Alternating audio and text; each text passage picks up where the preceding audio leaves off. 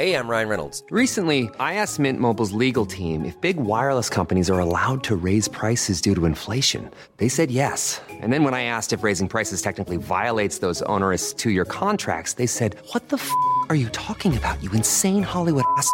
So to recap, we're cutting the price of Mint Unlimited from $30 a month to just $15 a month. Give it a try at mintmobile.com slash switch. $45 upfront for three months plus taxes and fees. Promo for new customers for limited time. Unlimited more than 40 gigabytes per month. Slows. Full terms at mintmobile.com.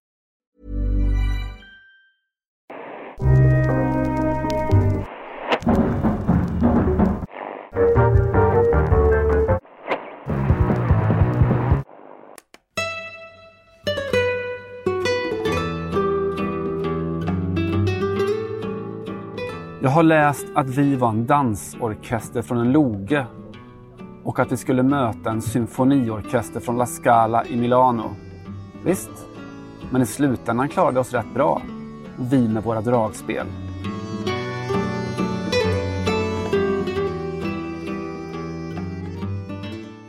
Hej Johanna Frändén!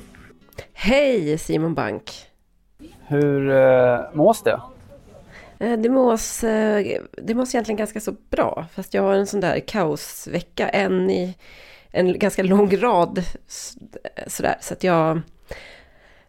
Ja, jag vet inte, jag tappar bort pass och jag tappar bort eh, priser och plastpåsar på restauranger och jag är, vaknar och får för mig att min dator är kvar på ett tåg och lite sådana där grejer. Du förstår att när du säger att du tapp- tappar bort priser så är det lätt att göra tolkningen att ja, det är lite jolopriser och lagerkransar och skit som... det är svårt att hålla ordning på allt. Alltså, mitt, mitt, mitt julopris finns just nu på eh, en restaurang på Östermalm i Stockholm. Så att eh, först till kvarn och så vidare. Priset, diplomet står där. Jag fick ju ta emot det i, i eh, förra veckan. Till Ja, slut. fint. Du, det är ju, Annars var det fint. Ja, det är ju kaos i världen. Du är inte ensam om det. Jag eh, kommer att tänka på. För jag var ju, apropå mitt lilla inledningscitat som vi ska återkomma Mm, till. Tord Grip-citatet. Mm, bra nära faktiskt. Jag var ju i, eh, vid La Scala i, eh, för ett par dagar sedan. Eh, Ja, just det. Faktiskt inte inne på La Scala den här gången, men var, var utanför. Och såg bland annat då Fridays for Future marschera genom Milano. Tio, tiotusentals ungdomar. Fastnade speciellt. Den är så himla stor den rörelsen där alltså. Otroligt. Det är så himla fint. Ja, verkligen. Mm. Det var syndikalister, det var studenter, det var kommunister och det var några kärnkraftsförespråkare också som försökte gå på att vi vill samma sak. Eh, Mm. Inte alla var överens om. Men den skylt, det plakat som eh, stack ut mest för mig, apropå kaoset, var en ung tjej med, med plakatet eh, Årstiderna är lika oregelbundna som min mens. Ja, varför inte? Det är kaoset det. Eh, ska också ha en eh, liten disclosure eller disclaimer och tala om att eh, den här podden spelas in i alla fall på mitt hörn från eh, Friends Arena. Jag sitter och ser på när landslaget tränar så om det ljudkaosar härifrån så kan det vara att Peter Wettergren lägger ut en snus eller så.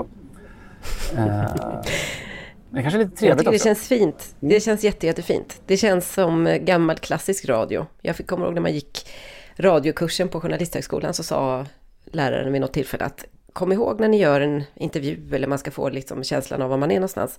Stäng inte fönstret, öppna fönstret i lokalen. Eh, det kan komma såg, fågelsång, det kan komma eh, barnskrik, det kan komma liksom en buss och det är bra för då är det bra radio.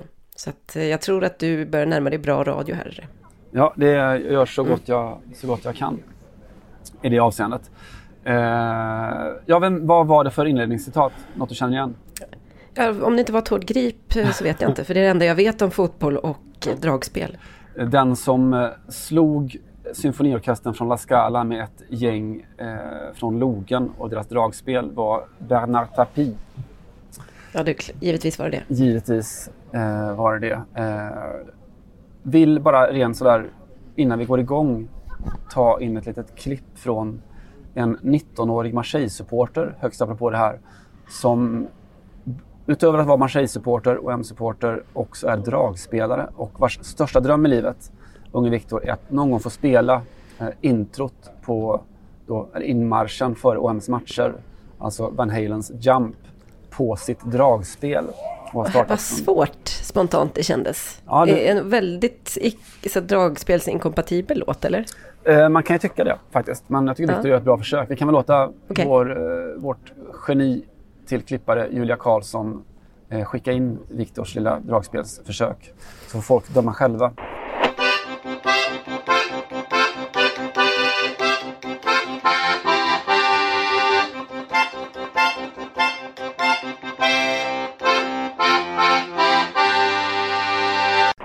Eh, ja, jag var i Milano och eh, såg väl inte Zlatan fylla år men var där och skrev om det i alla fall. Eh, och det som fastnade hårdast i mig känslomässigt var ju inte att Zlatan fyllde 40 eller att eh, ens då, att jag såg de här Fridays for Future eh, två dagar i rad när de var ute och fyllde gator och torg. Utan det, det var just dödsbudet som kom från Frankrike. Eh, ett år drygt då efter att Pape Diouf, eh, OMs starke man, han som gjorde de stora igen på 2000-talet, gick bort i covid, så har också Bernard Tapie dött i magcancer. Eh, du är ju Frankrike-baserad till skillnad från mig. Jag vet inte vem, vem var Tapi? Var han en, en referens för dig på något vis? Ja, gud ja. Alltså det, det är ju, måste ju varit en av Frankrikes mest kända karaktärer. Och också en sån där fransk kändis som, de har ju några sådana och det tycker jag är så fint, som är jätte, jättekända i landet men inte så uppmärksammade utomlands. Eh, Johnny Hallyday är ju det perfekta exemplet på det, Frankrikes Elvis. Som dog för, vad är det, fem år sedan kanske. Och Frankrike stannade verkligen. Och i flera, jag menar de stängde av hela innerstan för en sån här mo- motorcykelskaravan när hans kista skulle färdas genom Paris. Och tre presidenter då, inklusive Macron och två, två tidigare var med på begravningen och sådär. Och ja, i resten av världen är man så här, vem, är, vem, är, vem var det? Och lite så är det ju med Tapie, men jag skulle säga att han är en, en alltså det är ju en sorts, det är ju en Berlusconi fast med glimten i Ja. ögat, eller?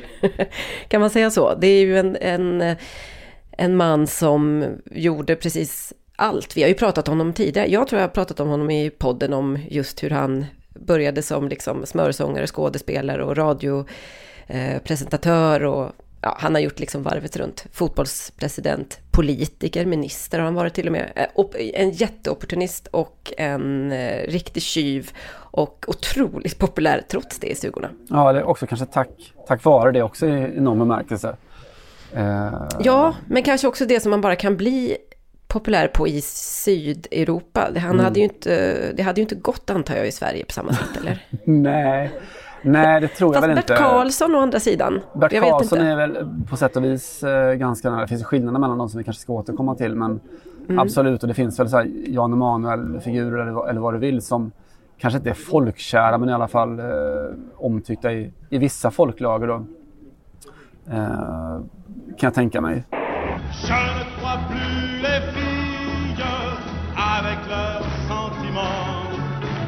Je ne crois plus les filles filles, mais je les aime quand même, quand même, quand même, quand même, quand même. Ja, alltså för min del så är det ju sådär både svårt och enkelt att konstatera att han på något sätt väl har faktiskt haft en, en högst fysisk påverkan på, på mitt liv och på vem jag blev och så. Eh, och det är stora ord, men det var ju liksom, jag var på semestrar i Frankrike med mina konstnärsföräldrar när jag var väldigt liten och blev väl då frankofil på något sätt. Började älska Frankrike och språket och, och allt det där. Det var alltså innan jag hade flyttat hit. eh, Ett par år. Ett par år. det förstärkte bara intrycken. Ja.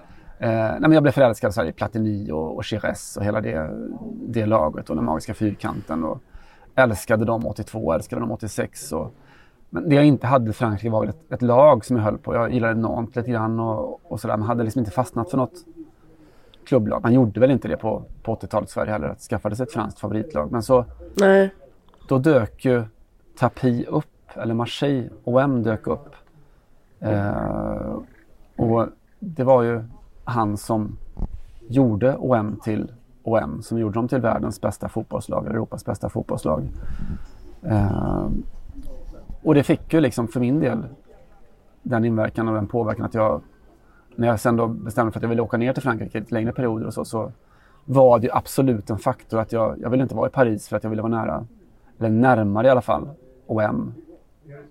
Så, eh, Jag tycker det också säger så mycket om dig att du ändå aldrig har gjort ett, dina obligatoriska vintermånader i Marseille utan att du inte varit på, på lite håll. ja, men lite lagom. Lite mer städade Nice sådär, så kan man ta tåget till Galenskapen och åka hem. Det kan ju också vara så att OM gör sig bäst på just den där lagom, på armlängds avstånd. Alltså jag, jag älskar ju Marseille men jag sliter med det också för att eh, jag har aldrig åkt dit utan att utsättas för mitt, minst liksom en så här rejält obehaglig situation när det kommit fram att man bor i Paris. Alltså det var ju... Ja, kanske klimax nåddes väl ändå förra, förra sommaren när, när PSG skulle spela Champions League-final och vi gled förbi Marseille samma vecka. Och det stod Paris på bilen. Ja, det var ju det ena och det andra. Ja, det är... Får jag låna din tjej, din jävla idiot och sådana där grejer. Ja, just det. Det finns någon, någon hiphop-låt som handlar om att, eh, som listar upp dåliga idéer man kan ha i livet. Alltså att, jag vet inte, hoppa från Eiffeltornet eller sådär. Och där en av raderna är att, eh, att gå upp för Le Canebière, alltså huvudgatan i, i, i Marseille i PSG-tröja. Mauvaise idé. Mm. En väldigt dålig idé. Ja, den, är, den kan man undvika om man inte vill, om man inte tycker att livet är... Om, I alla fall om man tycker att livet är spännande nog tror jag man ska hoppa över det. Så är det nog. Eh, nej, men han värvade ihop, köpte ihop det där eh, drömlaget då, som vann Champions League. Som slog La Scalas symfoniorkester i Champions League-finalen 93. Eh, otroligt lag med Földer och Boxic på topp och Deschamps Desailly, eh, de svartvita tvillingarna och Barthez i mål och Frank Saucé som var min, min favorit som sköt hårdast av alla i hela världen. Eh, och sådär. Eh, otroligt lag. Och, eh, du var inne på det att, att det som är kanske mest fascinerande med Tapi, ännu mer fascinerande än att han var en skurk som ändå var folkkär och en miljardär och en minister som var folkkär, var väl att han var just den här sortens renässansmänniska. En l'homme au mi-vie kallar de honom, alltså mannen med tusen liv. Vilket är bra, dels för att han överlevde alla skandaler men också för att han, han var allting på en gång. Eh, han gav ut musik, musik, han var smörsångare. Inte helt oäven eh, tycker jag. Vi kan väl Nej. säkert lyssna också lite på, på när han sjunger. Eh, skådespelare, också tämligen fram, framgångsrik. Spelade i en film av Claude Lelouch bland annat då, Guldpalmen-vinnaren. Eh, som jag skrev om under damfotbolls-VM i Frankrike när, när Sverige var, hade sitt VM-läger där uppe i, i Deauville i Normandie. Ja, just det. Claude Lelouch, Filmstaden. Alla, precis, Claude Lelouchs allra främsta film där. En man och en kvinna spelades in där. Mm. Eh, han styrde på 80-talet också världens bästa cykellag som tog hem Tour de France och eh, var François Mitterrands liksom, guldgosse. Inte arvtagare kanske, men absolut guldgosse. Och hans länk ner i folklagren på något vis. Det var väl också så att Mitterrand lite grann, lite grann förstod att den här eh, Tapi håller på att bli en, en eh, konkurrent på riktigt. Så att bäst att jag plockar in honom hos mig och ger honom en, en ministerpost så att han inte, för han hade nog kunnat bli president annars. Eh, och så får man en känsla av lite skitsam, nu var han vänsterpolitiker men det hade kunnat bli lite vad som helst. Det intressanta var väl att komma in i maktens korridorer och testa. Alltså jag, han var väldigt bra på att bocka av saker. Jag kan verkligen sympatisera med det. Jag tycker mycket om att bocka av saker i mitt liv också. Testa det och testa det och så. Ja, han gjorde ju det. Jag tror att det både är sant och inte, inte alls sant. Men det, han var ju också en, en, ett barn av sin tid väldigt mycket. Alltså i den, den socialistiska nomenklaturan som fanns där. Som, han var inget undantag med fifflandet. Eh, om man säger så. Han kanske bara var, var allra bäst på det. Eh, kan väl rekommendera... Jag tänkte mest att han var lite av en, eh, lite, av, lite mer av en glidare på en lyxjakt än en, en liksom, men visst han, han kom, han, precis lite som Berlusconi så gjorde han ju, eh, kom han ju med, som man säger, tomma händer mer eller mindre. Det var väl det som fascinerar folk också. Säkert Och det var väl det som gjorde att han hade en fot kvar i, i, de, i, liksom i de populära eh, folklagren som man, som man brukar säga på franska. Ja, plus såklart OM och plus cykelsporten. Att han hade den eh, framsyntheten att han förstod hur man, hur man satte ner sina rötter i folklagren och att det också gick genom, genom sporten i väldigt hög grad. Och, eller musiken för all del, eller kanske filmen också. Eh, kan rekommendera om vi ska ha ett, ett prematurt eh, kulturtips att se på tv-serien Baron Noir eh, om man vill få en in, inblick i det inte alltid så ren, renhåriga franska politiska spelet. Eh, som ju Mitterrand kom ifrån och kanske också då, eller som Tapie kanske landade i. Men det var intressant ändå att se alla reaktionerna som kom efter, efter hans död. Alltså inte olikt Ali Day eh, reaktionerna. Det är så oerhört brett. Alla eh, berättade om Tapie. Alla hyllade Tapie. Det var mm. politiken, det var affärsmännen, det var alla brett över hela idrottsspektrat, alltså inklusive PSG eller... Ja, ja. Mbappé var ju direkt ute och, och skrev, skickade kondolenser. Macron naturligtvis, Liks. som både ja, både OM och, och president. Och socialist, eller? Och, ja, oklart. oklart. Men eh, ska, finns det inte något om eh, några sådana nedgrävda pengar i en eh, trädgård som eh, behöver berättas om också? Uh, too soon. Kanske. Okay. ja, ja. Jo, absolut. Det, det är ju mer, mer, eller mindre fastlagt, det är fastlagt att han, han köpte en en match mot eh, Valenciennes eh, veckan före eh, den här Champions League-finalen. Eh, ett knippe spelare i Valenciennes som, som fick betalt.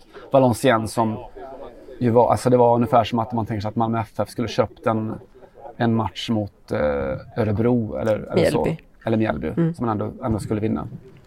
Eh, och det är ju det som har kommit fram. Det finns eh, oerhört starka skäl att, att anta att det där var inte ett undantag utan snarare en, en regel. Eh, men... Även... Vet du vad mut, den här typen av mutor heter på franska? Nej, säg. Nej, för det är ju intressant. Jag, på spanska är det ju ganska, har det ju varit ganska vanligt förekommande också. Då kallar man det ju maletas eller maletitas, mm, mm. små resväskor med, det bara står plötsligt i omklädningsrummet så här, oj, här stod det en portfölj med pengar, undrar vad vi behöver göra i den här matchen som är den sista på säsongen mot laget som eh, tävlas eller fightas om titeln och vi ja, har, ligger mitt i tabellen och har liksom inget att förlora på. Man får tolka det själv alltså? Lite så, men på franska så kallar man det ju pot, du vin, alltså mm. vinflaskor eller vin. Ja. Så att, eh, ja, om vi, det, var, det är ju så fruktansvärt eh, väntat att det skulle ha med, med vin att göra, men det är som att man får en liten, en liten vinmuta helt enkelt. Det låter ju gulligare på något sätt. Mm, tycker det. Eh, och väldigt etablerat. Eh, nej, och så, man, det som slår en är också att för alla de här spelarna som han eh, hade i OM så hur han verkligen var den store patriarken. Han var Le Boss som alla skriver. Eh, jag hörde, eh, och det ska ni också få göra, hur det lät när då deras evige vänsterback eh, Eric Dimeco eh, försökte berätta om, om Tapi fransk TV. Ouais, la journée a été dure. Hein. Moi, j'ai une pensée pour euh, euh, son épouse. Ah merde. Putain, je suis désolé les gars. Il n'y a pas de souci Erik. Ja, men jag, jag, tror att han, man tar nog inte i alldeles mycket om man säger att han liksom kanske bredvid Zidane är den viktigaste figuren för den franska eh, moderna fotbollen senaste kvartsseklet eller så. Nej, det kan man nog säga. Tycker det tål att nämnas också att han eh, tog debatten, som vi brukar kalla det, mm. med eh, Jean-Marie Le Pen, alltså Le Pen den äldre, den före detta så att säga nazi apologeten, före detta, han lever fortfarande, före detta partiledaren ska jag säga, för det som partiet som nu heter Nationell Samling, Nationella Fronten på den tiden. Och inte bara eh, kallade, sa att det här är, oh, ja, jag håller inte med, eller, utan han gick ganska hårt åt, på ett väldigt självklart sätt, de som röstar på Le Pen och kallar dem eh, inte avskum, men inte långt ifrån, på ett sätt som ingen vågar göra längre för att man eh, vill inte, vad ska man säga, man vill inte eh, komma på kant med någon potentiell väljargrupp och så. Men jag tror att han hade någon form av moralisk kompass mitt i, mitt i den här liksom geggan av lite mindre, eh, lite sämre eh, orientation som var ganska uppenbar och att han hade ett, något extremt, ett väldigt direkt sätt att uttrycka sig som de här elitskolepolitikerna inte har. Eh, som många uppskattade också väldigt mycket. Ja, nej, men jag vill ge ett exempel på det. Det var lite därför jag reagerade på, på jämförelsen med Bert Karlsson som ju är distinkt på och relevant på många sätt men inte just på, på det där sättet. Det, jag har en sån här favorithistoria, en av många om, om Tapi, som är från eh, när då ja, dåvarande Fond National då håller ett, ett möte nere i, i Marseille. Eh, och Tapie är där. Och inte bara det, han, han, ja, alla vänder sig lite mot Tapie. Vad fan gör du här? Liksom, du är socialist och vad gör du här? Eh, men Tapie är inte bara åhörare, han ber också om att få ordet. Eh, och ställer sig på scenen och säger att jag vill prata om flyktingpolitik. För jag, jag hör vad ni säger, liksom. jag hör eh, hur arga ni är och jag vill ge min bild av, av hur jag ser på saken. Och, ja, visst, ni har rätt. Liksom. Det finns ju ett problem med, med araberna och, och negrerna och, och, allt det här. Och jag har ju hört att ni liksom skickar ut dem i Frankrike men, men jag tycker inte att det räcker att göra det. Nej, sa han. Alla araber och alla svartingar skulle man samla ihop på ett fartyg. Man borde skicka ut det där fartyget en bit på havet och när det kommit tillräckligt långt ut så skulle man be franska flottan att sänka varenda jävla skepp. Och det blir helt tyst i salen. Alla tittar på honom, menar han allvar? Och sen är det någon då som börjar jubla och någon börjar applådera. En sån här Hollywood-applåd till slut. Alla ryar liksom. Aoe, aoe, Monsieur Tapi, liksom. Där, där satte du den. Och Tapi står kvar på scenen och så när det har tystnat lite så tar han mikrofonen igen och så säger han tre meningar. Det var det jag visste. Ni är ett gäng rasistiska fascistsvin och ni har just själva bevisat det. Det var också Tapie. Det, ja, det, det är så himla bra det. Det är Den fint. liksom, ja, det är riktigt eh, bra jobbat. Ja, vi ska runda av och säga att just när vi spelar in det här, det är onsdag förmiddag, landslagsträning, så hålls det då en minnesmässa för Bernard Tapie i Saint-Germain-des-Prés i Paris. Eh, på fredag hålls det en minnesmässa i hans Marseille och däremellan då så kommer kistan att stå på Stade Velodrome i Marseille så att alla supportrar, och de är många, får säga farväl. Och eh, avslutningsvis då, om man ska... Torsdag mellan klockan 16.20 om ni hinner höra det här och är i Marseille så kan ni svänga förbi Velodromstadion. Han förtjänar det. Eh, han har själv berättat om varför han blev den han blev eh, och han har sjungit om det också. Eh, 98 så gav han och en ja, hiphoppare kan man säga om man gör en bred tolkning, eh, Doc Gynico ut en låt tillsammans eh, där de då sjunger eller rappar att vad som än händer på planeten jorden, om det så är i fotbollen, i businessen, i politiken, politiken, så är det alltid gangstern som styr. C'est beau la vie. Så här låter det. Eh, Fomblard, j'ai rencard avec Nanar. Appelle les stars, v'là Bruno ou Escobar. Toucher mais pas couler. Merci de l'invitation.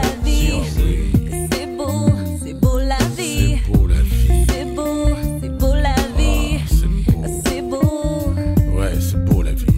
Det är en fotbollsintensiv vecka får man ju säga ändå.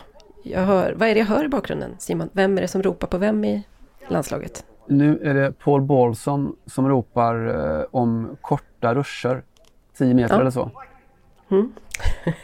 Det känns ju otroligt lyxigt att vara med faktiskt på den här eh, träningen. Inte som att jag inte har sett träningar med landslaget, men jag vet inte, det här kändes som en sån extra...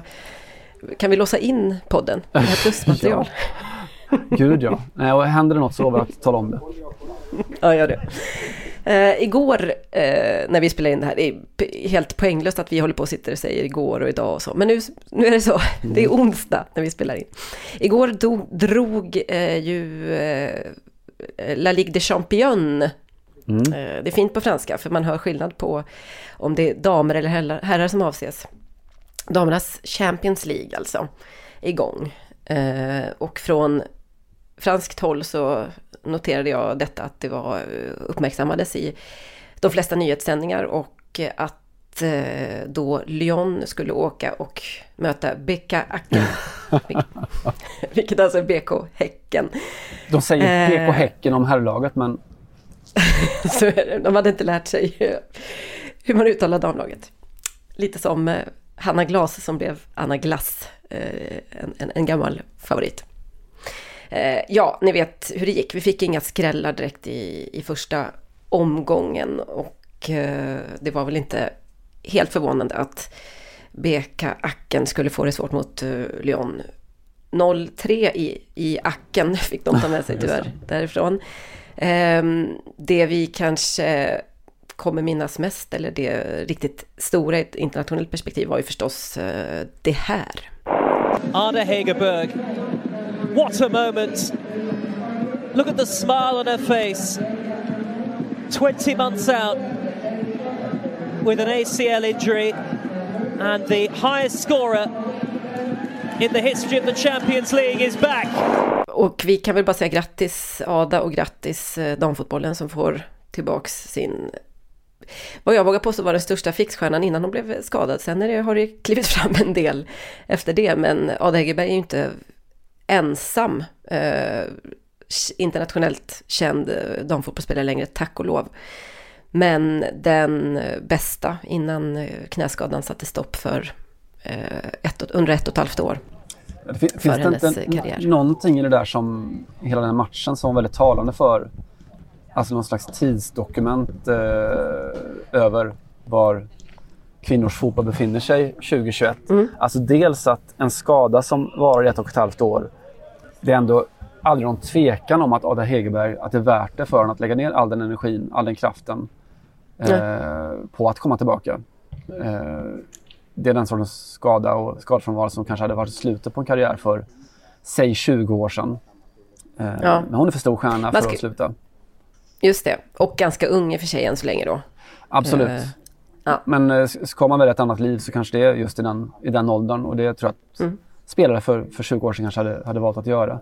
Det andra det är såklart att, Häcken befinner sig i en situation med, med flera eh, kontrakt som går ut mitt under ett brinnande Champions League-slutspel. Eh, Vilket visar på att det finns fortfarande väldigt mycket kvar att, att göra. Eh, inte minst då vad gäller att, att kunna ta betalt för, för spelare som säljs eller så. Så ja, jag ser det som en liten sån signal, en väldigt tydlig, tydlig tidsmarkör.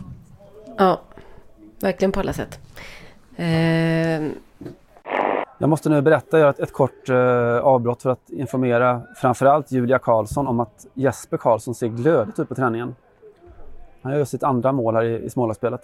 jag vet inte, det har ju också hänt, eh, om vi bara gör lilla, lilla, lilla nyhetssvepet, eh, Pandora Papers, den här känslan man har av att inget, det går inte riktigt att liksom göra folk upprörda med den här typen av nyheter längre. Det är fruktansvärt konstigt. Själv kan man ju känna att det brinner i skallen när man ser hur the one percent har Mm. ja, plockat undan sina pengar och låtit bli att skatta dem och så vidare. Men det har lite, det varit så här, jaha, Shakira, se där, Ja. jaha. Eh, Tjeckiens president, okej, det kanske blir lite tungt för honom, men det är inte så, jag vet inte, det verkar inte som att eh, den här eh, totala indignationen finns. Pep Guardiola fanns ju med då i eh, Pandora Papers. eh, Pep med de fem miljoner tvättade kronorna. Eh, Pengar det också. Det är pengar det också. Det är också förvånansvärt lite pengar för att vara eh, en inkomst från Qatar. Men eh, vad, vet- vad vet vi om var resten sitter och så vidare. Det jag tycker det är intressant med Pep Guardiola, det kanske är det mest intressanta fotbollsnamnet i det här sammanhanget. Eh, varför då? Ja, för att Pep har ju någon form av moralisk auktoritet som eh, de flesta saknar inom eh, världsfotbollen. Det vill säga i, i, i omvärldens ögon så är han någon form av, ja men lite, kanske inte stridbar, men i alla fall någon som känns lite, lite woke.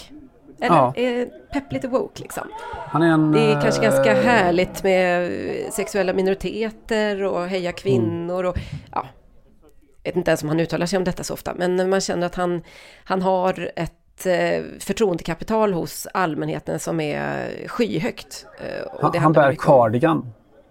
Han bär cardigan, Ja. precis. Ja, nej men precis, det är väl, eh, det är väl där någonstans det börjar.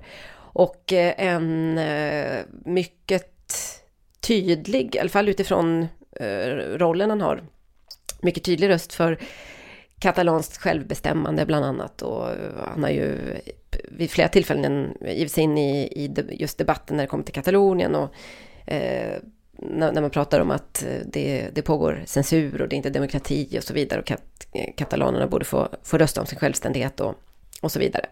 Eh, Pep har inte tvekat där och det här är ju också för att han eh, tillhör någon form av progressiv rörelse i vid bemärkelse tror jag som eh, ja, många har fått en känsla av att han, han är, står också lite för en mjuk manlighet. Det kanske är det lite grann också.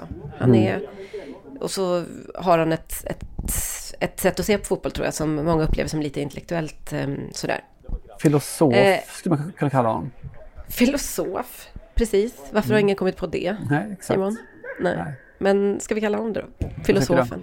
It's impossible to play good football if you don't make sex with your partner. It's impossible. They have to do that. As much as do it, better players.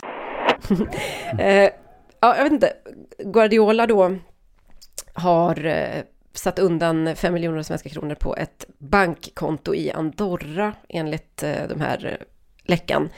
Eh, det var dessutom så har han utöver det då betalat en, någon form av avgift för som garanterar någon, någon bankanonymitet. Jag gissar att det är ungefär lite det som, som Schweiz hade tidigare, att man, ja, ingen ska kunna spåra en och han har betalat de där pengarna för att man sen då, han sen då ska kunna ta, använda sig av de här pengarna utan att skatta dem i Spanien.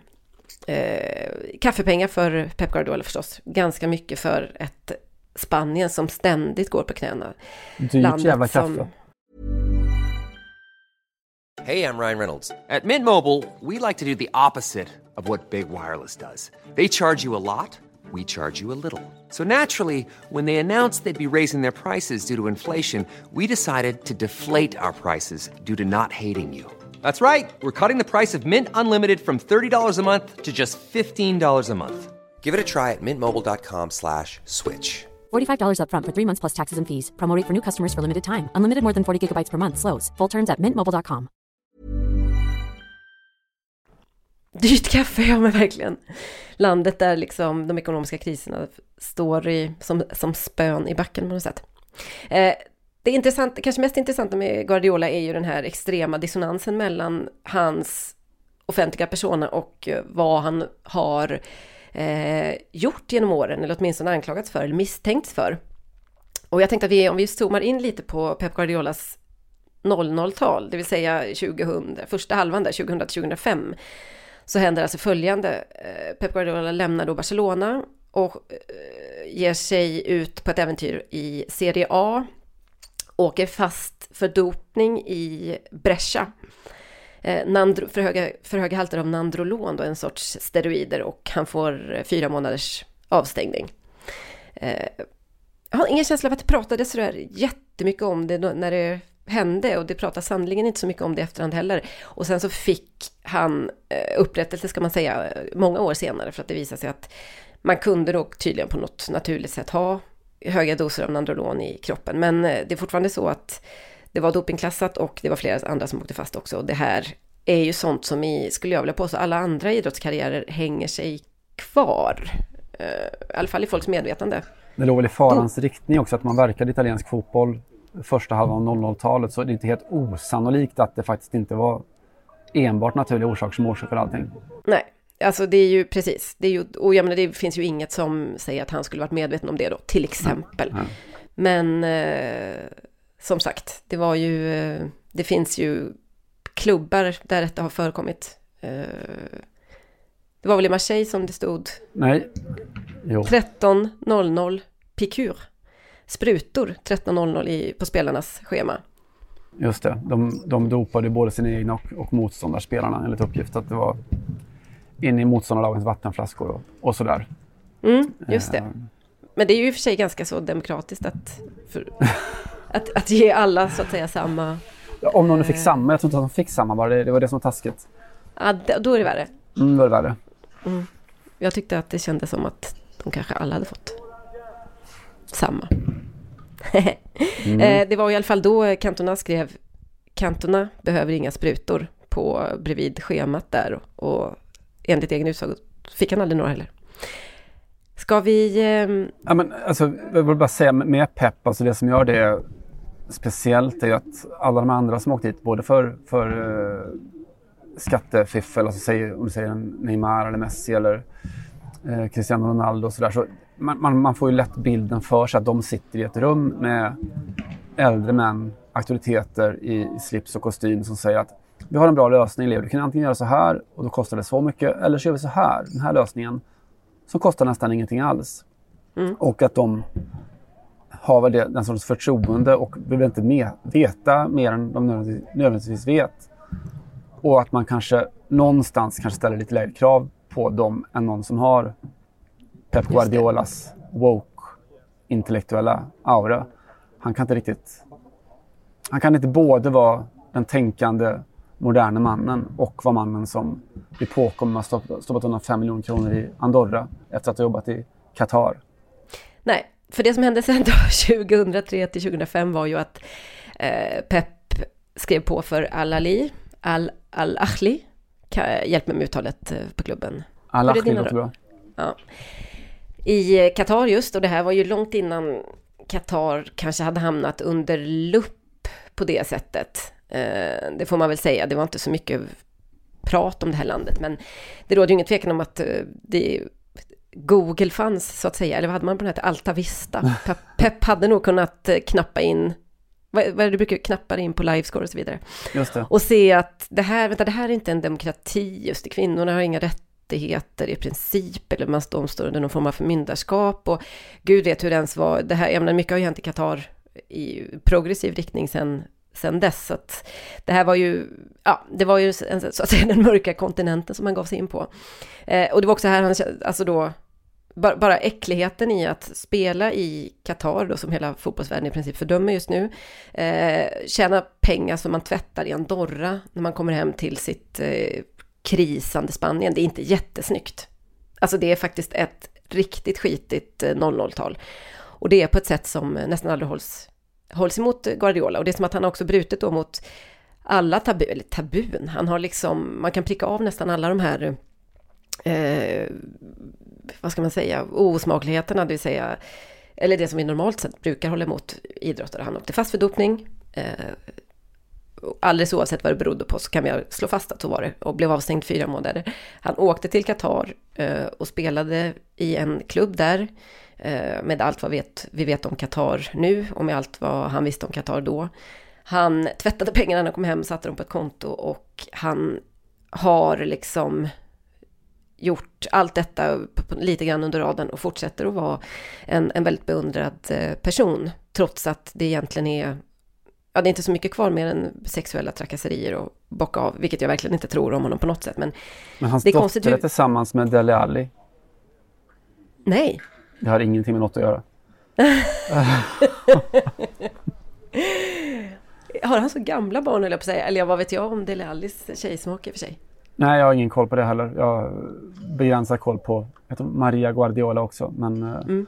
Eh, nyheten har nått mig. Jag läste en sån här tidning när jag var hos frisören. Eh, där det stod att de påstås ha en, en relation. Mm. Ja, det är väl då han Dele Alli ska ringa eh, Alexandre Pato och fråga hur det gick och hur det med eh, Berlusconis dotter Barbara. Det var inte bara en bra idé. Det var inte bara en bra idé. Mauvaise Nej. idé. Mm, lite så. Ja, jag vet inte, det känns som att om man skulle applicera alla de här grejerna på en annan figur, inte vet jag, låt låt oss säga Joey Barton till exempel, Mm. fast för dopning, spelat i Qatar, tvättat pengarna när kom hem eh, och av någon anledning ändå stå och prata och gasta om eh, censur och demokrati och eh, förtryck i sitt hemland. Lite svårt kanske att göra exakt, men vi kan för exemplets skull tänka oss det. Så är det ju inte säkert att eftermälet hade varit, eller den allmänna uppfattningen hade varit vilket geni detta är. Vilken sensibel och progressiv och modern man. Mm. Eh, vad fint att han bryr sig. Men det är något med Pep Guardiolas eh, gloria på något sätt som gör att även om den eh, hamnar lite på sned ibland så, ah, han kommer alltid ut som någon form av eh, good guy i alla fall. Ja, nej, men det finns någonting och jag tror att du var inne på det med, med hela eh, Panama Papers och, och Pandora Papers och allt det där. Att det, det är som att det är för stort för att ta in. Sveket och bedrägeriet och det bottenlösa moraliska moraset är för, för stort för att det ska gå att ta in. Eh, det är lättare att rasa mot någon som snor en, en Toblerone eller betalar den med, med riksdagens kort eller vad det nu kan vara. Eh, det Nu var det ju lite andra saker också. Nu har du lite gått på Mona Sahlins spinn hör jag. Det var lite andra saker också på det där kontot. Men Ja, okej. Jag sitter på AIKs arena så jag kanske färgar av det. Eh, absolut. Nej men du förstår vad jag är inne på. Att det, det finns en sorts uppgivenhet inför, inför världens förfall som är inte så, gör det så lätt att tro på, på hos människor. Det är väl att jag får känslan av att eh, folk inte bryr sig om att riktigt rika människor fuskar för att man tar med det i beräkningarna på något sätt. Eller, ja. de har, eller också någon liten så sadomasochistisk idé om att eh, de är så framgångsrika så de har rätt att pissa på oss andra. Det vill mm. säga undanhålla oss eh, skattepengar som, om man nu bara gör ett tankeexperiment, skulle kunna ha räckt till 30 canceroperationer eller mm. vad man nu ska, kan tänka sig. Ja. Vet, du, vet du hur det är med Pep Guardiolas moral? Nej. Den är mer oregelbunden än mina menstruationer. ja, så, det kan man nog säga. Mm. Eller som Albert Camus sa, allt jag lärt mig om moral har jag lärt mig på fotbollsplanen. Just det, han kanske inte menade så här. Men vi, vi han menar kanske inte av Pep Guardiola. jag måste nu berätta, göra ett, ett kort uh, avbrott för att informera om att det är tvåmålsspel. Uh, Jesper Karlsson fortsatt stekhet. Det var bara ett eh, litet nedslag i veckan som gick eh, och en ganska platt fundering kring hur Guardiola ändå kommer undan med eh, så mycket allmänt shite. Han skulle kunna skjuta någon på gatan utan att någon reagerade som en amerikansk president sa. Mm, ja, men det är lite så. Så är det nog. Du, vi dyker ännu ner, längre ner i mörkret då. För en annan sak som det skrivits väldigt mycket om i veckan, eller de senaste dagarna, är ju de här vittnesmålen inom just damfotbollen som har kommit då kring, kring eh, sexövergrepp och sexuella utnyttjanden och, och så. Det var, först kom det från amerikanska proffsligan med Paul Riley som under sin tid både i, i Washington och i North Carolina eh, ska ha förgripit sig och, och pressat eh, flera spelare till, eh, till sex och betett sig som ett allmänt svin. Och att det här då tystats ner och systematiskt tystats ner av klubbar och av förbund och, och ligaorganisationer och allt. Eh, jag sa att Alex Morgan bland andra då, uttalades väldigt starkt i, i tv i, i tisdags. Hon sa så här. Just show the systemic failure um, from the league and um, how wrong they did in handling Mana's uh, case and complaint and the investigation. So, th- something we ask is for the league to start being proactive, not reactive. We ask for transparency. Eh, och det här har som sagt inte varit allt. Det har kommit också rapporter från Venezuelas landslagsverksamhet. Eh, att då den förre förbundskaptenen där, Kenneth Seremeta, tror jag han heter. Eh. Som, som då anklagas för ett dussintal övergrepp. 24 stycken landslagsspelare som gått ihop och, och vittnat. Eh, vi har ju tidigare pratat om ett parallellfall i Colombias fotboll. Eh, som vi tog upp bland annat för att herrspelarna då slöt upp mangrant bakom sina kvinnliga kollegor. Just det. Eh, jag tänkte referera ett citat som skulle kunna vara en förklaringsmodell till den här tystnadskulturen. Eh, det är en tysk fotbollssupporter då som eh, anhängare av Köln som får frågan om man kan se på fotboll som ett substitut för religion. Han svarade så här.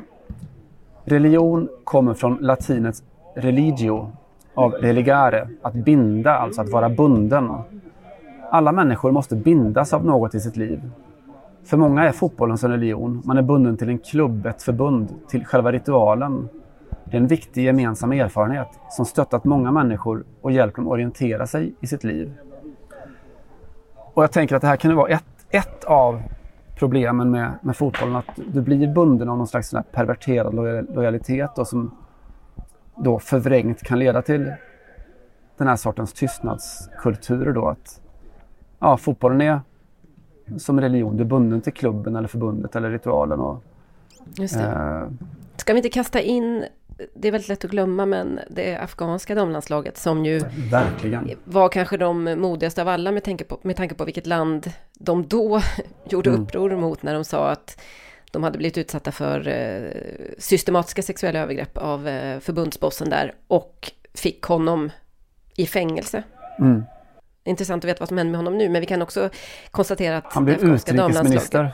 Ja, det känns lite så. Nej, men gud, vilket opassande skratt. För eh, men de har i alla fall eh, i det afghanska de fotbollslandslaget och det, med sina föräldrar fått, eller med sina familjer, fått eh, amnesti, asyl i Portugal. Ja. Vi kastar in det som en eh, passus. Det är numera väldigt liberala, eh, progressiva Portugal. Eh, Ja, alltså det är klart att det finns tusen andra förklaringsmodeller då, som handlar om systemet och makt och överordning och underordning. Och...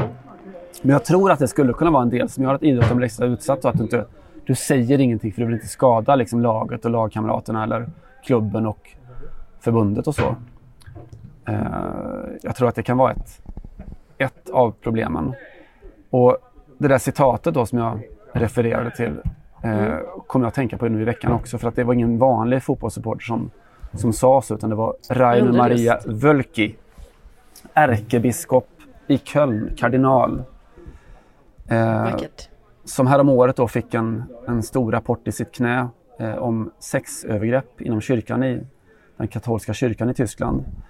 Eh, en rapport då, den kom 2018, som visar att det skulle kunna handla om upp till 100 000 övergrepp då, enbart i Tyskland.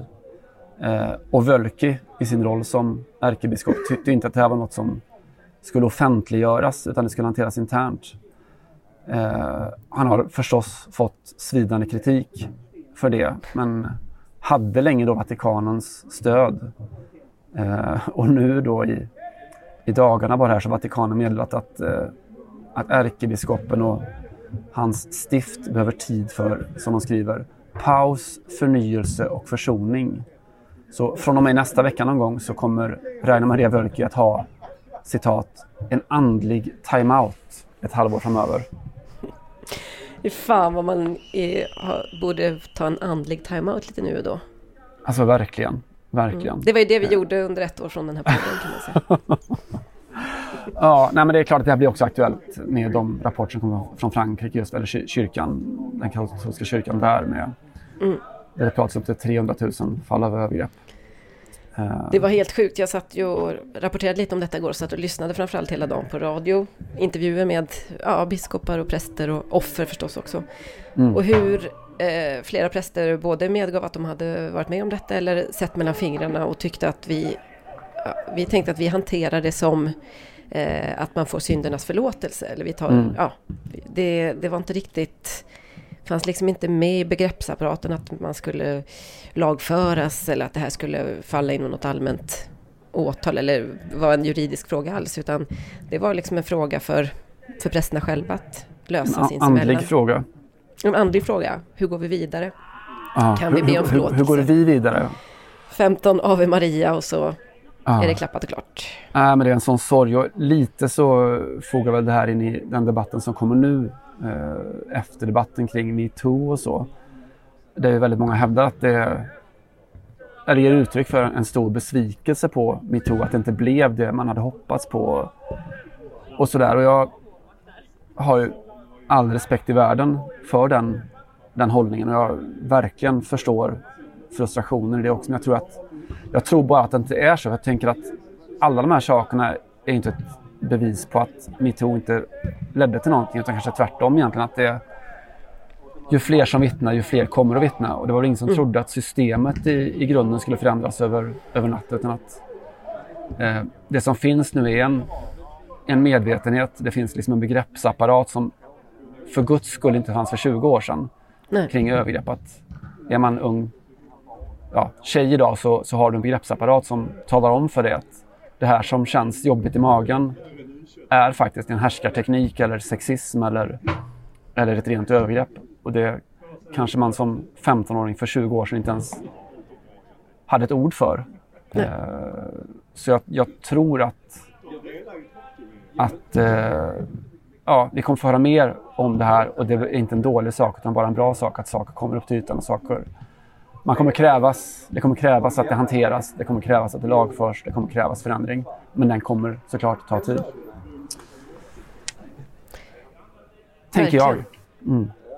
Nej men det är, det är, precis som du säger, alltså skiten måste ju upp först. Och det är klart att det är många jobbiga, kanske år, eh, som följer nu när ja, folk ska gå tillbaka och berätta om vad som hänt. Och eh, historier som inte har fått någon, något riktigt avslut eller någon mm. som inte har blivit rätt saker kommer att bli det. Men eh, det är ju just precis som du säger, alltså jätteuppenbart. Och det, det var mycket av analysen i Frankrike igår när det pratades om, om den här katolska kyrkans eh, eh undersökning då, eller genomgång som de ju har beställt själva faktiskt. Att det är jättetydligt att kyrkan och ungdomsidrotten eller barnidrotten är också de, några av de farligaste ställena för Mm. ungdomar. Och då är det ju Mm. flickor i första hand på sportsidan och pojkar i första hand i, inom katolska kyrkan. Alltså det, det är absolut några av de farligaste miljöerna och så pass farliga så att man säger att 6% av alla övergrepp mot barn, eh, någons, ja, uppskattningsvis då, eller de som man eh, har, har kunnat på något sätt eh, registrera, eh, har skett inom kyrkan. Och det är alltså, det är ju så mycket så att man kan prata om katolska kyrkan som en farlig miljö faktiskt för, Mm. för barn och framförallt eh, pojkar i strax under och i början av tonåren. Mm. Så att det är klart att eh, det, och det, jag menar, det finns ju jättemånga exempel på inom alla typer av idrotter, inte minst eh, gymnastik och den typen av in, individuell idrott, där det kanske är ännu vanligare, att det är också ett ställe som många män med de här, med de här, med de här böjelserna söker sig. Det är klart, du får en, en gudagiven eh, i billig bemärkelse eh, auktoritet och du är nära nästan familjärt förhållande med, med unga människor. Det är klart att det, möjligheterna finns. Eh, borde inte finnas men, men finns där. Mm. Så låt oss höra mer. Låt oss höra mer. Футбольный. Радикал. Jag hade ju tänkt att prata om något ytterligare deppigt. Kan inte du bara ge en snabb eh, lägesrapport från något kul som händer på Friends Arena just i detta nu? Eh, ja, det roliga är att eh, just nu så är det träningens roligaste moment, det vill säga helplansspel. Eh, och det ser väl ganska trevligt ut. Albin Ekdal spelar tillsammans med Kristoffer Olsson. Lär vi göra det på lördag också då. Får vi sluta oss till. Eh, vi flög hem tillsammans, jag och Albin, i måndags. Mm, han hade Eh. också åkt för tänkte säga hej till Zlatan och önska lycka grattis på födelsedagen. Och så var han Ja. inte på. Eller gå i Spelar Fridays for? Future. Kan ha varit det också. Jag vet inte. Jag kan faktiskt se honom göra både och just nu. Kändes, alltså just Abbe. nu Abbe gick det just upp för mig. Mm. Så är det. Det är det som händer. Jesper Karlsson har bleknat lite. Eh, inte alls samma svung i steget som, som förut. Ja, Simon Bank direkt från Friends Arena. Vilken otrolig lyx att ha dig eh, på plats. Ja, det känns lyxigt. Ska vi prata om mer deppigheter från Frankrike? Ge oss den. Vi eh, har härdat ut länge nog, men eh, vi måste prata lite om Eric Zemmour. Jag Mm. eh, tror att vi inte har något annat val faktiskt, för att det är, vankas ju presidentval i Frankrike nästa vår, i april redan. Och ni kommer höra mer om den Zemmour, som alltså inte officiellt ännu har eh, meddelat sin kandidatur, kandidatur, kandidatur. Ka, vad heter, vad säger man? Kandidatur. Kandidatur är jättebra. Anywho. Eh, och, men Zemmour är, på tal om en fransk Bert Karlsson, är det, alltså är det han och Tapi i en blandning, då får man fan Bert Karlsson kanske? Ja, det skulle man kunna säga. Ja, ja just det. Nej, men ni får tänka er då en eh, polemiker, jag älskar, jag älskar att det är ofta så han eh, bedöms, det är ett så otroligt bra ord, i det, le, le polemist, Erik Zemmour. Ja, det är verkligen det han ägnar sig åt, en eh, högerradikal eh, polemiker, en tv-man, en journalist från början, som på bästa sändningstid och i de finaste spalterna länge har haft fritt spelrum när det kommer till, vad ska man säga, alltså angrepp skulle jag säga på minoriteter, på kvinnor, på invandrargrupper eh, i Frankrike och eh, hela tiden då under någon form av förespegling att, man, att han bryr sig om och or- oroar sig för eh, den franska kulturen. Det gamla Frankrike, var är Mm. Frankrike på väg och så vidare. Eh, är intressant, alltså hans bakgrund är intressant av många skäl. Han är från Algeriet, han är, eh, kommer från en judisk familj och har i princip alltså teamat upp åsiktsmässigt mer eller mindre med rena mm, Alltså revisionister i princip. Alltså han eh, har inga problem att, att trivialisera eh, händelser under, under andra världskriget. Eller åtminstone umgås med folk som gör det. Och eh, därför är han också en svår nöt att knäcka. Eh, det finns ju så mycket farhågor om att han, det är som att han gör allt egentligen för att, och allt, allt som går att göra i, eh, för att misstänkliggöra is, islam. Det är väldigt mycket Mm. där som, som han börjar och slutar hans resonemang. Eh, Zemmour fick enligt en dagsfärsk opinionsundersökning, och då ska vi komma ihåg att han inte är presidentkandidat då. Han har ännu inte meddelat sin kandidatur. Eh, 17 procent eh, och eh, har därmed då gått om Marine Le Pen. Eh, de slåss ju som ni förstår om ungefär samma väljare, samma typ i alla fall av väljare, men han ska just nu ha ett större stöd av henne, trots att han inte officiellt är eh, kandidat. Och trots att Le Pen kommer från en politikerklass som ju har haft eh, i 30, 40 års tid en fot, för att inte säga båda, i, i den franska politiska eliten. Så det är, höjs ju på många ögonbryn här förstås. Man ska väl ta en opinionsundersökningar för vad de är, men i nuläget så skulle han kunna stå faktiskt mot eh, Emmanuel Macron i en slutrunda i presidentvalet i vår. Och då kommer det bli åka av kan man säga.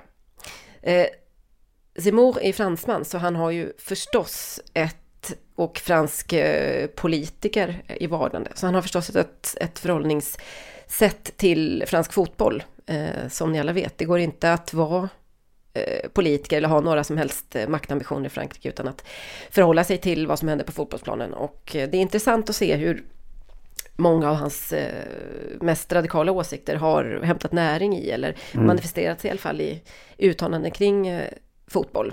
Ehm, och vi kan, inför EM till exempel i somras så sa han bland annat då att det, det är någonting väldigt konstigt med eh, franska landslaget eh, sedan några månader. Först och främst så kom Benzema tillbaks. Eh, sen så kom rapparen Youssoufa in i leken. Vad fan det nu har med saken att göra. Och nu ska de gå ner på knä. Och ja, det börjar bli väldigt mycket. Det är någonting lite ruttet i Didier Deschamps stat. Okej, jag antar att han gör en Shakespeare-parafras här. Det lät inte jättebra, men det är något ruttet in the state of Didier Danmark. Deschamps. Ja, det måste vara någon sån här Hamlet-grej. Ja. Mm. Euh, je vous dis, il y a vraiment quelque chose de pourri dans le royaume de Didier Deschamps. En Hamlet-grej som vi kallar det här i podden. eh, jag vet inte vad det är som händer. Jag vet inte om det kom, om det är påtryckningar från Emmanuel Macron, från Élysée-palatset, från regeringen, från fotbollförbundet. Men ja, de har förvandlat vår Didier Deschamps och hans franska landslag. Det var Eh, bättre när Deschamps anklagades för, för att vara rasist av Benzema. Då, precis, när, när, då, då var det riktigt, då var det en riktigt bra före, företrädare för det franska landslaget. Eh, ja, nu vi hör ju själva, Simor gör ju liksom en, en eh, någon form av händelsekedja här som är alldeles, eh, om man plockar isär bit för bit, som är, får en att tappa andan egentligen. Eh, också intressant att, eh, ja, det händer någonting för Benzema är tillbaka i landslaget. Mm. Eh, vad betyder det? Att en arab får en plats i det franska landslaget. Mm. Eh, utan att då konstatera att det är en av Frankrikes absolut mest pålitliga målgörare och för övrigt utan att gå tillbaka i efterhand och konstatera att Benzema var väl den enda som gjorde ett riktigt avtryck i eh, EM. Um, anywho. Eh, det här är eh, Zemmour eh, på något sätt i sitt absoluta esse. Och ni, alla som vet något om fransk fotboll vet ju att det franska landslaget är en sorts eh, plats för kulturkrigsbatalj, har varit i många år. Men, och bland annat har han ju sagt att eh, tänker själva ett eh, japanska landslaget med åtta vita spelare. Eller tänk om det fanns åtta vita spelare i Senegal. Vad skulle senegaleserna tänka om det? Eh, det är klart man måste få ställa sig frågan. Det får inte finnas massa tabu kring den. Ehm, Han lyfte på- frågan. Ja, han lyfte frågan då Mm. att eh, det vid tillfället fanns åtta spelare som inte var i det, etniska, eller i det etniska landslaget, nu ska du höra. I det franska landslaget som inte var eh, vita eller etniska fransmän, får man väl tänk, kan man väl tänka sig då. Eh, och för att eh, avrunda så har han ju givetvis, är han ju konsekvent också i sin positionering. Så i den liksom väldigt eh, korta passus när han pratar om damfotboll så har han också sagt att det värsta man ka- kan säga är förstås att man inte har lust att se kvinnor spela fotboll. Att man faktiskt har en annan idé om vad feminitet är. Eh, stackars Simor, det får man ju inte säga i det här jävla landet och så. vidare. Eh, Nej, det, det, så jag säger det ändå. Du säger ändå. Ja, nej, men det, han har ju använt fotbollen egentligen under hela sin, sitt liv som, som debattör. Eh, jag vet att han eh, redan under VM 2006 som var ute och kallade Togo Frankrike för det enda afrikanska derbyt i, i VM. Eh, och han, hans, det här portalverket som du väl skrev om häromveckan här, Le Suicide Français, Mm. det, det franska självmordet som handlar om hela förflackningen av det franska samhället och eh, beroende såklart på den misslyckade immigrationen och multikulti-projektet som han nu kallar det då. Eh, och, då skriver han liksom den i förordet där hur, hur Frankrike är ett förlorat land och att de bara fortsätter förlora på precis alla plan. Mm. Och sen så radar han upp då områdena där där Frankrike bara förlorar. Eh, Det är president efter president, det är lag efter lag, val efter val, intellektuell efter intellektuell och fotbollsmatch efter fotbollsmatch. Så att han har verkligen tagit fasta på fotbollen som eh, ja, symbolvärdet i, i fotbollen. Han har också gjort sig känd för den osvikliga tajmingen att ni- 2013 tror jag säga att och titta på Tysklands landslag. De, sen de började ta in massa blattar i princip har det gått 15 år sedan de har lyckats med att vinna en enda buckla överhuvudtaget. eh, så att vi, ja, det var några månader innan 7-1 Mm. på Brasilien och så vidare. Men eh, vem, vem är man att gå tillbaka och säga att man hade fel när man är Erik Simor? Han har fullt upp med annat. Eh, det här är en fruktansvärt deppig podd. Herregud Simon, har vi haft så här jävla mycket skitämnen ämnen tidigare? Jesper Karlsson. Nej, nej han tappar, tappar bollen. Han har också tappat. Men det får vara så ibland. är Det får ju- vara så ibland. Det är också bara en vanlig onsdag i oktober och vi är båda lite slut på varsitt håll. Eh, det är deppigt i världen men jag vill eh, inte bara lyfta frågan utan eh, förbereda alla på en man som kommer ta mycket plats i den franska debatten och kommer uppmärksammas mycket internationellt den närmsta tiden. Eric Zemmour, eh, strax till höger om Marine Le Pen, har väl mer en retorik som påminner om pappa Le Pen om någon. Eh, just nu enligt en färsk opinionsundersökning med 17 procent av väljarstödet eh, i ryggen. Hypotetiskt då, för han har ändå inte meddelat sin kandidatur. Just det. Eh, ska vi ha roligare nästa vecka? Nästa vecka ska det bara vara glada ämnen. Vi väljer glädje nästa vecka. Vi väljer glädjen. Ta gott emot. Mm. Nästa veckas podd. Eh, har inget kulturtips, men eh, eftersom du pratade om Deauville och eh, Lelouch tidigare här och tog upp filmen En kvinna och en man. En man och en kvinna, en kvinna och en man. En kvinna och en man. Ja. Så tipsar jag väl om den då. Det är en fantastisk eh, film på alla sätt och eh, väl värd era en och en halv timme eh, i när höstmörkret faller, så att säga. Han bor för övrigt, gamle Lelouch, i eh, under, alltså i, vad ska man säga, i utrymmet under en av få väderkvarnar som finns kvar i Montmartre i Paris. Jaha, åh gud. Mm. Han har ett panoramafönster rakt ut eh, med fantastisk utsikt över eh, halva stan.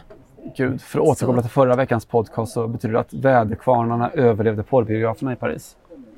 Ja, det finns väl två. Eh, jag trodde det skulle komma något om fightas med väderkvarnarna, men okej, vi var inte så riktigt så spirituella. Vi var inte där. Nej, vad skulle Semor göra av det? Ett tecken till på för, för, förflackningen. Verkligen. Eftersom vi ändå behöver lite glad musik att gå ut på och eftersom jag har väntat och väntat och väntat och du aldrig kommer med den här låten så får väl göra det själv. Eh, vi säger tack och hej och lyssnar på Drogba och låten Joanna. Åh, tack och hej. Hörs om en vecka. Tjingeling! Tjing!